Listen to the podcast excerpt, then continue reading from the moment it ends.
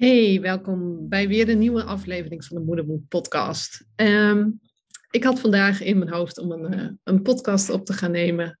Waren het niet dat ik mijn microfoontje thuis ben vergeten. Dus ik moest even improviseren. Normaal gesproken dan uh, sluit ik een, uh, een speciaal uh, microfoontje aan op mijn telefoon en dan neem ik dat op met de dictafoon. Nou, dan haal ik het even door de bewerksoftware, zodat de geluidskwaliteit ook nog een stukje verbeterd wordt en dan gaat hij online. En voorheen plakte ik daar nog heel mooi een, een intro voor, maar de laatste tijd, ja, ik weet niet, ik, ik, wil het gewoon wat puurder of zo. Ik weet het niet. Het hoeft niet allemaal zo strak en gelikt, want zo ben ik zelf ook niet ben dat vroeger wel enorm geweest, een enorme perfectionist, uh, dat het allemaal precies zo moest en goed moest. Um, heel stuk daarin losgelaten, veel dichter bij mezelf gekomen en ook mijn eigen imperfecties kunnen omarmen daarin. Um, en ik denk dat dat ook wel een hele belangrijke, uh, ja, hoe zal je het noemen, een soort krachtbron van mij is. Uh, dat ik dat ook wel heel graag wil uitstralen van joh, ik, ik ben ook niet perfect. We zijn allemaal niet perfect en het is oké. Uh, ik ben ook oké. Uh, jij bent oké. Uh, we zijn allemaal oké. Dus vandaar dat dat intro zo langzamerhand toch wel weer een beetje verdwenen is. En misschien komt er wel weer een periode dat ik denk, ja, ik moet er weer voor. Maar voor nu vind ik het allemaal wel even prima. Maar weer terug te keren op mijn microfoontje die ik ben vergeten. Dus ik dacht, oh shit, ik, ik wil een nieuwe op, uh, aflevering opnemen. Ik heb uh, inspiratie om een aflevering op te nemen. En ja, dan kom je erachter van, uh, nu heb ik dat microfoontje niet. Dus normaal gesproken, als je dat dan denkt, dan geeft dat best wel wat stress. Want ja, het loopt anders dan je van tevoren had gewacht. en dat is precies natuurlijk een onderwerp wat heel erg speelt in mijn werk. Want bevallingen lopen toch ook altijd anders dan verwacht. Um, en door die stress, dan kun je vaak ook niet zo goed nadenken. Denk maar eens aan dat je je sleutels ergens kwijt bent en je probeert dan heel goed te bedenken, oh, waar heb ik ze voor het laatst gehad? En het lukt allemaal niet.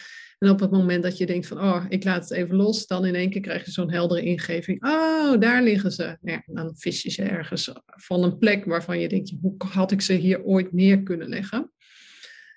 Nou ja, dat heeft er een beetje mee te maken dat als je stress hebt of spanning of angst, en ja, het zijn drie verschillende bewoordingen, maar fysiek reageert ons lichaam daar precies hetzelfde op en ons brein en ons zenuwstelsel. Dus voor mij zit daar niet zo heel veel verschil in. Uh, maar dat zorgt er eigenlijk voor uh, dat een deel van ons brein dat echt gericht is op een stukje overleven, dat dat meer actief wordt. En dat is een heel oud deel van ons brein en daarmee heeft het eigenlijk ook altijd voorrang op nieuwere delen van ons brein, waaronder dus het, het, het deel van het brein wat ons denkende brein is. Um, dus daarom wil het nadenken dan op zo'n moment ook niet zo goed. Dus ik had zoiets van, nou, ik laat het ook even los. Ik wil het graag opnemen. Uh, ik, ik, vertrouw er wel op dat er zometeen een oplossing voor komt, uh, maar ik laat het nu even los. En toen bedacht ik me, hé, hey, maar ik heb wel de oortjes mee die ik niet aan kan sluiten op mijn telefoon, maar wel op mijn laptop. Uh, dat als ik nou gewoon Zoom ga gebruiken, dat ik in mijn eentje in een Zoom-meeting ga zitten, ik neem dat op, dan heb ik ook gewoon een geluidsopname. Want dat is ook de manier waarop ik bijvoorbeeld ontspanningsoefeningen voor mijn cliënten op afstand opneem. Dus zo waar. En nou zul je zien, nou word ik gebeld. Dus ik zet even op, uh, op pauze. Nou, daar was ik weer. Had ik echt mijn telefoon nog op nachtstand gezet. Dat doe ik altijd. Ja, en wie belt me? FaceTime me, mijn man. Ja, en dat ging er dus gewoon kennelijk doorheen. Uh, Lekkere timing, man. Maar ja, dan ben ik dus mijn verhaal wat ik hiervoor heb gedaan helemaal kwijt. Uh, boeit het niet, want ik uh, pak hem gewoon hier maar op. Het zal misschien voor jou wel een beetje voelen uh, als van de hak op de tak. maar ja, hoe mooi is dit dan ook weer als je het net hebt over perfectie en imperfectie. Dat je gewoon tijdens het opnemen van een podcast gebeld wordt, hem even pauzeert en hem daarna weer oppakt, maar niet helemaal meer weet waar je was gebleven. Maar goed, dat is sowieso toch ook niet het onderwerp van deze podcast. Um, dat was gewoon een beetje uh, gemurmel vooraf. Nou, en uh, ja, ik, ik ga gewoon nog iets met je delen. Uh, ik vind het ook leuk om ze nu dan wat te delen over mijn persoonlijk leven, zodat je mij ook een beetje beter leert kennen. Um, een paar maanden geleden, misschien heb je dat wel eerder gehoord of meegekregen op een andere manier, uh, hebben wij een, een hondje geadopteerd. hij was toen een pup van zes maanden, inmiddels is hij tien maanden. En ja, gaat, gaat eigenlijk best wel goed. Toen hij bij ons kwam was het een beetje een ongeleid projectiel. Hij had ook wel wat dingetjes al in zijn rugzakje zitten. Maar op dit moment in huis is het echt een ontzettend lieve hond. Uh, dol op knuffelen, op aandacht, maar ook rustig. En ja, buiten het wandelen is nog wel wat een dingetje. Hij trekt heel erg en uh, is heel snel overprikkeld. Dus hij wil alles in de gaten houden.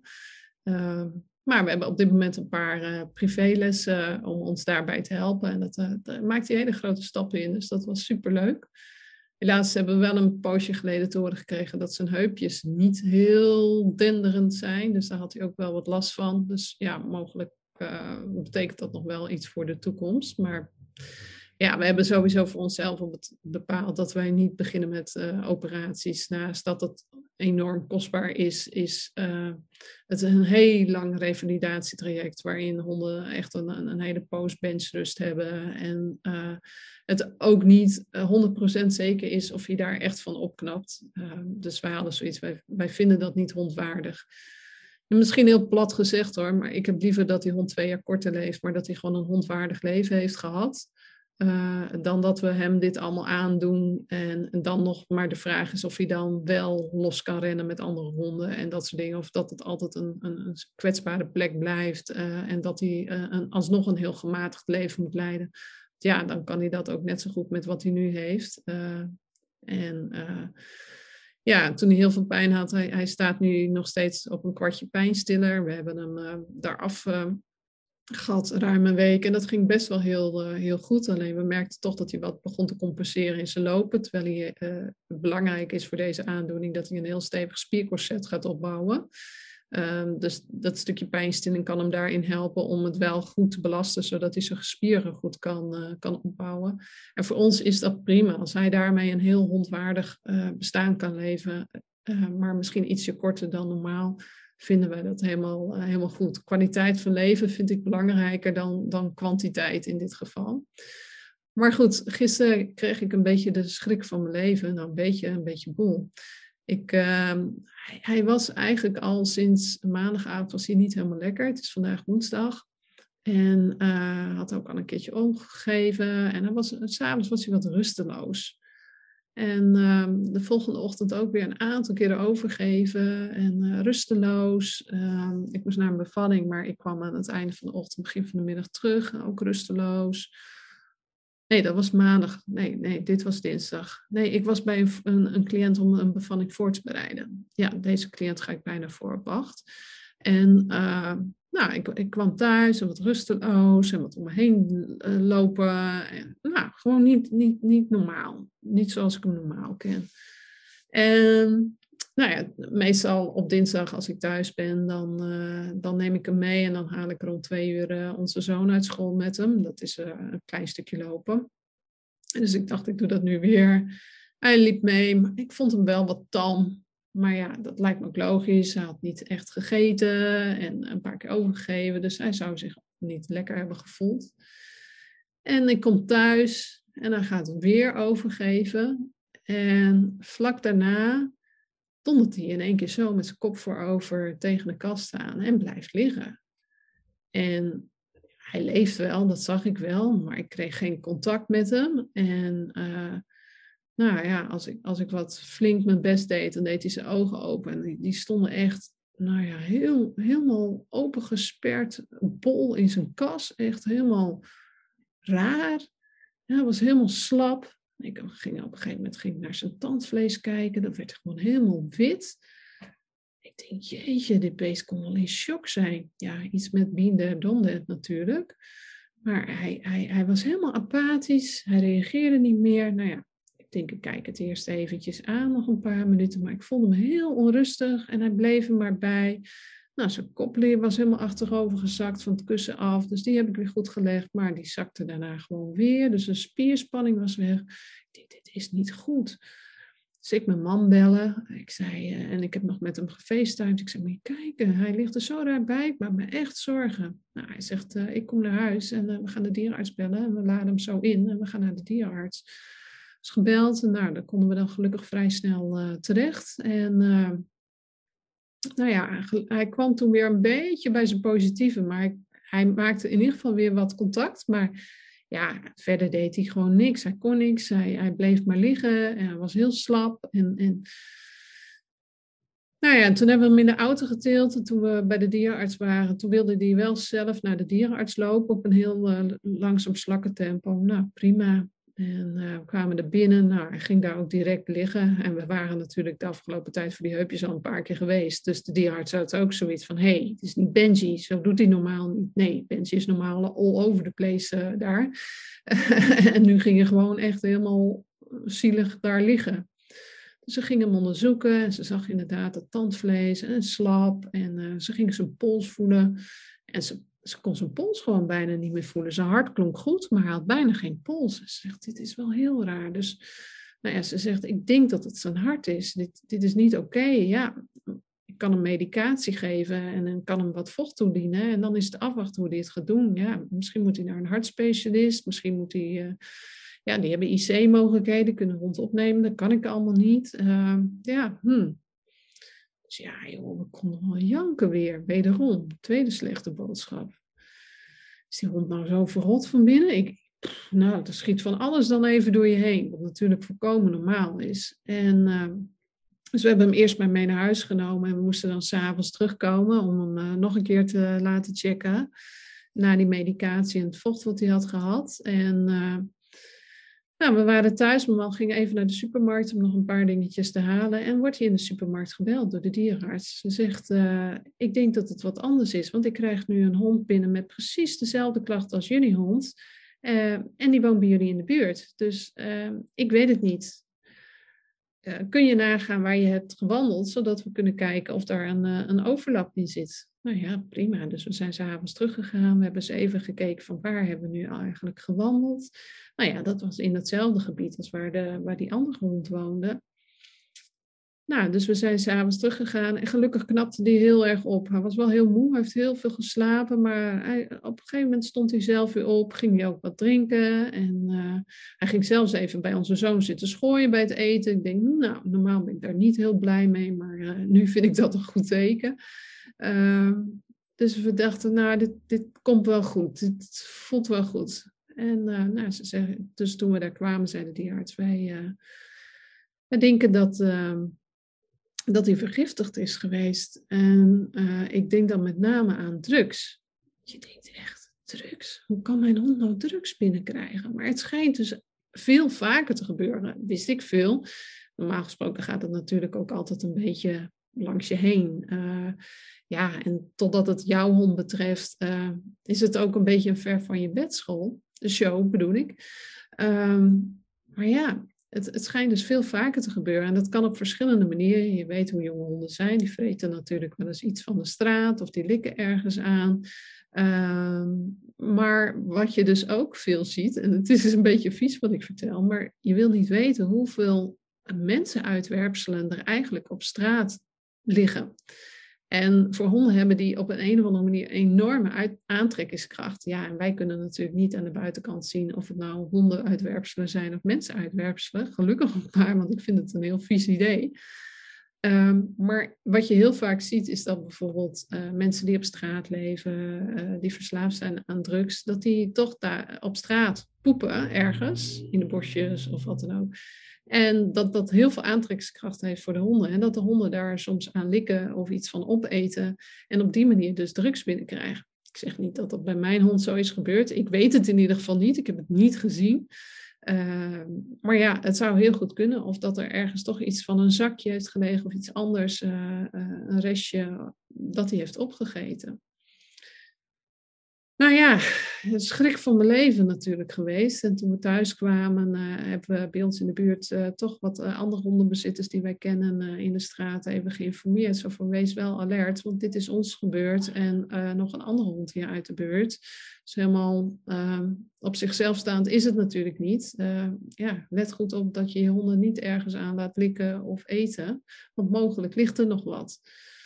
Um, dus dat vonden ze wel heel fijn. En uh, ja, toen kwamen we thuis en toen hebben we hem eten gegeven. Nou, hij had als een gek zijn bak leeg. Uh, en daarna was hij wel weer rustig, maar wel gewoon weer levendig. En vanochtend, toen, uh, toen ik uit bed kwam, toen was hij weer helemaal zijn levendige zelf, zoals ik hem ken. Ik dacht, oh, gelukkig. Maar dan schrik je echt wel even behoorlijk hoor. En dan merk je ook wat zo'n situatie eigenlijk met je doet. Uh, je moet dan eigenlijk heel cool handelen en misschien zelfs hele moeilijke beslissingen nemen van wat doe ik? Hè? Ga, ga ik nog naar een ander ziekenhuis toe? Uh, laten we hem opnemen op de IC? Of kijken we het nog aan? Uh, ja, hoe, hoe, gaan we daarmee om? En eigenlijk is het op dat moment ook heel moeilijk om juiste keuzes te maken en goede afwegingen te maken, juist omdat dat denkende brein offline is. Maar goed, wij hebben toch uiteindelijk ons, ons gevoel erin gevolgd, onze intuïtie, dat hadden we ook afgesproken met de veearts, van we willen er even over nadenken, we willen even voelen wat voor ons best voelt. En dat kon ze ook helemaal voorstellen. En ja, toen nam het gelukkig een hele andere wending en was het ook uiteindelijk, zoals het nu lijkt, helemaal niet nodig. Dus, uh, dus dat. Uh, dat is wel een hele lange intro zo geweest. Maar ik ga nu naar mijn onderwerp waar ik het vandaag over wil hebben. En het onderwerp is, zoals je al in de titel hebt kunnen zien, heb je je trauma nu echt goed verwerkt? Of heb je een leven gebouwd rondom je trauma? En dit is, ik denk, een podcast voor met name mensen uh, bij wie hun heftige bevalling al ietsje langer is geleden. Uh, maar ja, goed, ik denk voor iedereen wel waardevol om, uh, om daar weer wat uit te halen. Het gebeurt me namelijk vrij regelmatig dat ik nog mensen binnenkrijg bij wie hun heftige of traumatische bevalling al enkele jaren geleden is. Um, en die voor hun gevoel het goed hebben verwerkt en toch het gevoel hebben van er zit nog iets, maar ik kan de vinger er niet op leggen. En dan zeg ik altijd van, goh, zullen we gewoon eerst eens even bellen? Hè? Ik, ik werk met een vrijblijvend kennismakingsgesprek. Um, dat is niet alleen voor mijn cliënten heel erg fijn, want uh, ze kunnen zo laagdrempelig met mij kennis maken. Um, en alles wat ik vraag in zo'n gesprek helpt ook weer heel erg om uh, inzicht te krijgen in hun eigen situatie. Van ja, hè, speelt er nu wel nog iets of niet? Dus dat is sowieso wel fijn, maar het is voor mezelf ook fijn. En dat heeft er vooral mee te maken dat ik, als ik iemand heb gesproken, dan weet ik ook daadwerkelijk van ja, zit hier nog wat en kan ik daar nog wat mee? Uh, of valt het wel wat mee? Uh, of is misschien juist een andere hulpverlener meer aangewezen? Dus ik kan op die manier voor mezelf altijd een hele goede inschatting maken. Waar ik ook altijd heel eerlijk in ben. Want ik wil alleen mensen helpen die ik ook echt kan helpen. Mijn agenda zit ook gewoon sowieso veel te vol uh, om iedereen maar aan te gaan nemen uh, waarvan ik denk, nou misschien kan ik wel wat. Nee, ik, ik, wil dat echt zeker weten. Zo heb ik dus ook gewoon de cliënten uh, over het algemeen hele goede resultaten met hen. Juist omdat ik al zo'n strenge selectie aan de, aan de voordeur hou, zeg maar. En ik hoor dan heel vaak van deze cliënten die, bij wie het al wat langer is geleden, ik dacht dat ik het goed heb verwerkt. En ze doen hun verhaal hier dan, meestal zonder al te veel emotie. Maar wat me direct opvalt is veel spanning in het lichaam. Een heel, over het algemeen, of een heel stil lichaam, net alsof er bijna geen leven meer in zit, of juist een heel rusteloos lichaam. Um, en, en er wordt ook altijd heel snel gepraat. En dat snelle praten, dat heeft een functie. Want als je heel langzaam zou praten, zoals ik bijvoorbeeld nu op dit moment praat, even in deze podcast, dat langzame praten helpt je om te voelen. Te voelen, wat zeg ik nu eigenlijk? Wat gebeurt er in mijn lijf? Hoe reageert het daarop? En snel praten betekent eigenlijk dat je jezelf afsnijdt van je gevoel. Je ademt vaak hoog en onder je keel snijdt gewoon af, zodat je alles wat eronder zit niet hoeft te voeden. Omdat het gewoon veel te overweldigend is wat je op dat moment voelt. Dat, dat, ja, daar kun je gewoon niet mee leven. Het is te veel. En je moest ook manieren op deze manier vinden om verder te kunnen met je leven. Ik bedoel, het is je gebeurd, maar je had ook gelijk de zorg voor een kleine baby erbij, misschien nog andere gezinsleden, nog meer kinderen. Uh, werk kwam er misschien op een gegeven moment weer bij. Dus je had helemaal niet de ruimte om, om in te kunnen storten. Dus je moest overlevingsstrategieën bedenken om jezelf staande te houden. En dan zeggen ze heel vaak van ja, nou ja, volgens mij heb het wel goed verwerkt, want ik kan mijn verhaal vertellen zonder te huilen. Ik zei dat kan. Ik zei wat zou er gebeuren als ik je verhaal nu nog een keer laat vertellen en dan langzamer. Ja, ja, nee, dat wil ik niet hoor, maar dan ga ik huilen. Ja, ik zei precies. Ik zei, oké. Nou, en dan vraag ik vaak van, hé, hey, hoe beïnvloedt dit je nu nog in je leven? Ja, als ik de foto's van mijn bevalling terugkijk, uh, dan ga ik huilen. Dus die kijk ik maar niet meer. Nee, nee. En, uh, en, en, en, en kraamvisites vind ik gewoon heel erg lastig. Dus ja, eigenlijk probeer ik dat zo lang mogelijk uit te stellen. Oh, oké. Ja, en als ik iets op televisie voorbij kom van, uh, van bevallen of ik lees een verhaal van een ander, ja, dan, dan zet ik altijd door. Of dan zet ik de tv uit. Of dan leg ik iets aan de kant. Ja, ja en ik, ik, ik had een boek hierover gekregen. Maar dat lees ik eigenlijk ook niet meer. Want ja, dat gaat gewoon niet. Oh, oké. Heb je dan je bevalling eigenlijk goed verwerkt? Ja, want ik hoef er toch niet meer om te huilen? Nee, maar dat is niet het enige signaal. En mijn vraag is dan altijd ook: heb je nou je bevalling goed verwerkt? Of heb je je leven in zoverre aangepast dat je niet voortdurend getriggerd wordt? Dat je niet voortdurend de pijn, het verdriet, de boosheid, alles wat eronder zit, hoeft te voelen en te ervaren. Zorg je gewoon dat je alles wat raakt uit de weg gaat. En dan kijken ze me vaak aan, dan wordt het stil en dan komt de emotie.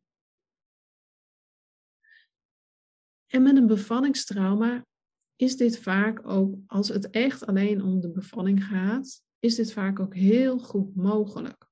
En waarom? Het is heel omheind en het is heel specifiek. Ik bedoel, heel veel dingen die te maken hebben met bevallen of zwanger zijn, kun je uit je leven bannen als je wilt dat goed is en of je dat op de lange termijn uh, volhoudt uh, en, en of dat ook daadwerkelijk is wat je wil. Want het vraagt natuurlijk, het, het kost je wel wat, laat ik het zo zeggen. Maar het is wel heel goed mogelijk. En je kunt dus verhalen van anderen uit de weg gaan. Je kunt programma's eh, over bevallen, One Born Every Minute of bevallen met Bobby of wat dan ook. Je kunt er niet naar kijken kunt kraambezoek uitstellen. Of uh, misschien wel helemaal niet gaan. Maar ja, die hele goede vriendin moet je toch eigenlijk gaan. Nou ja, dan een keer tanden op elkaar en uh, gaan. Maar daarna heb je er wel twee dagen lang last van. Maar hé, hey, mijn bevalling heb ik goed verwerkt. Hè? Je kunt die foto's ergens in een mapje op je computer neerzetten voor ooit, als je er wel aan toe bent. Maar weet je, dat gaat niet vanzelf gebeuren. Het is zo dat als jij zes tot acht weken na je bevalling verder bent en je voelt dit nog steeds zo heftig, dan gaat het ook niet vanzelf beter worden. Je hoort zo vaak van uh, geef het de tijd. Ja, geef het de tijd. Voor veel dingen werktijd, voor rouwprocessen en dergelijke. Maar als het gaat om trauma, trauma wordt niet beter hoe langer het duurt. Sterker nog, het kan juist veel heftiger worden. En het kan ook gevolgen hebben voor de rest van je leven. Zo zie je bijvoorbeeld heel vaak dat mensen die lang doorlopen met een trauma uh, op een gegeven moment burn-out raken. Want je leven zo inrichten dat je niet getriggerd wordt, kost natuurlijk gigantisch veel energie. Je loopt constant op je tenen. En als dan een situatie je wel ontglipt, zeg maar, waardoor je er wel mee geconfronteerd wordt, ja, dan ben je ook gelijk flink van de leg. Maar ja, dat is misschien maar enkel dat het gebeurt. Dus heb ik dan, dan heb ik toch wel mijn bevalling goed verwerkt. Dus ja, dat is eigenlijk waar dit over gaat. En misschien ook wel een vraag die jij jezelf moet stellen. Heb ik mijn bevalling echt goed verwerkt? Kan ik er in alle rust over praten? Een rustige manier, niet snel en gehaast. Kan ik alle details vertellen? Kan ik naar foto's kijken? Kan ik naar andere dingen kijken, horen, luisteren die gaan over zwangerschap en bevallen? Want als dat niet zo is, dan is de kans heel groot dat je gewoon je bevalling niet goed hebt verwerkt, maar dat je vooral een leven voor jezelf hebt gecreëerd waarin jij jezelf met al deze heftige gevoelens en emoties die ergens liggen opgeslagen, uh, om daarmee te kunnen leven, om jezelf daarin staande te kunnen houden. Maar dat zijn wel twee verschillende dingen, twee hele andere dingen. Ik denk dat ik hem hierbij ga laten. Ik denk dat ik je ruimte ga geven om dit bij jezelf te laten landen. En om te kijken van, hé, hey, hoe sta ik hier nu eigenlijk in? En misschien kom je dan wel tot de ontdekking dat je denkt van, ja, nu begin ik wel te twijfelen. En ik heb er de afgelopen twee weken, heb ik daar meerdere cliënten van gehad, voor een kennismaking, die toch iets lazen of iets wat ik schreef, bijvoorbeeld op social media en zoiets hadden van, hmm, nu begin ik te twijfelen, nu weet ik het even niet. En dat er dan uiteindelijk, als we er helemaal op inzoomen, dat er dan toch behoorlijk wat nog zit, waarvan ik echt zeker weet dat dat nog een heel stuk beter kan worden. En ja, om daar, ja, ik, nee, ik ga er gewoon nu niet verder en dieper op in ik, ik ga hem gewoon hier bij je laten. Om eens in te voelen wat, heb ik, wat ik heb gezegd en hoe dat bij jou eigenlijk zit. En dan ga ik binnenkort, de volgende keer, ga ik hier uh, mee verder. Want er is nog wel meer wat ik hier op, uh, over wil uh, vertellen. Maar goed, dat komt in de volgende podcast. En als je die twijfel nu ook hebt naar het luisteren van deze podcast, ehm, voel je vrij om die gratis kennismaking te plannen. Het kost je niks. Ja, 30 minuten van je tijd ongeveer, soms een beetje meer als we nog niet helemaal klaar zijn. En je kunt hem zelf inplannen. Ik heb een, uh, een online agenda gemaakt met alle beschikbare plekjes. En dat zijn er maar weinig, want ja, mijn agenda is behoorlijk vol. en daar kun je zelf een afspraak voor jezelf inplannen op een moment dat het jou ook goed past. Dat kan via Zoom of dat kan telefonisch. Dat vraagt die online agenda ook allemaal. Dan kun je al je gegevens achterlaten. Ik krijg daar bevestiging van en jij ook. En op het moment als het zover is, dan, uh, dan neem ik contact met je op en dan gaan we het erover hebben. Dus dat kun je allemaal zelf doen en regelen. Nou, hoe kom je bij die online agenda? Er zijn meerdere wegen. Ehm, als je me volgt op bijvoorbeeld Instagram, daar in mijn bio heb ik een link staan. En als je daarop klikt, dan kom je een hele rij aan knoppen tegen. En een van die knoppen is plannen een vrijblijvende kennismaking in mijn online agenda. Dus dat is denk ik een van de snelste en directste wegen. Je kunt ook naar mijn website gaan, www.ankevelstra.nl. En als je dan bovenin het menu gaat naar bevalling verwerken, um, dan vind je ergens op die pagina uh, wat meer onderaan, dat wil ik nog een klein beetje aanpassen, uh, een afspraak inplannen voor een kennismakingsgesprek. Als je op die knop drukt, als het goed is, leidt hij jou dan ook door naar de online agenda. Kom je er met deze twee dingen niet uit, lukt het niet, dan mail je me gewoon op contact.ankevelsel.nl en dan uh, geef ik je de rechtstreekse link en dan kun je zo zelf plannen. Um, nou, ik, uh, ik hoop dat deze podcast uh, je inzichten heeft gegeven. En ik zie je heel graag weer in een volgende podcast.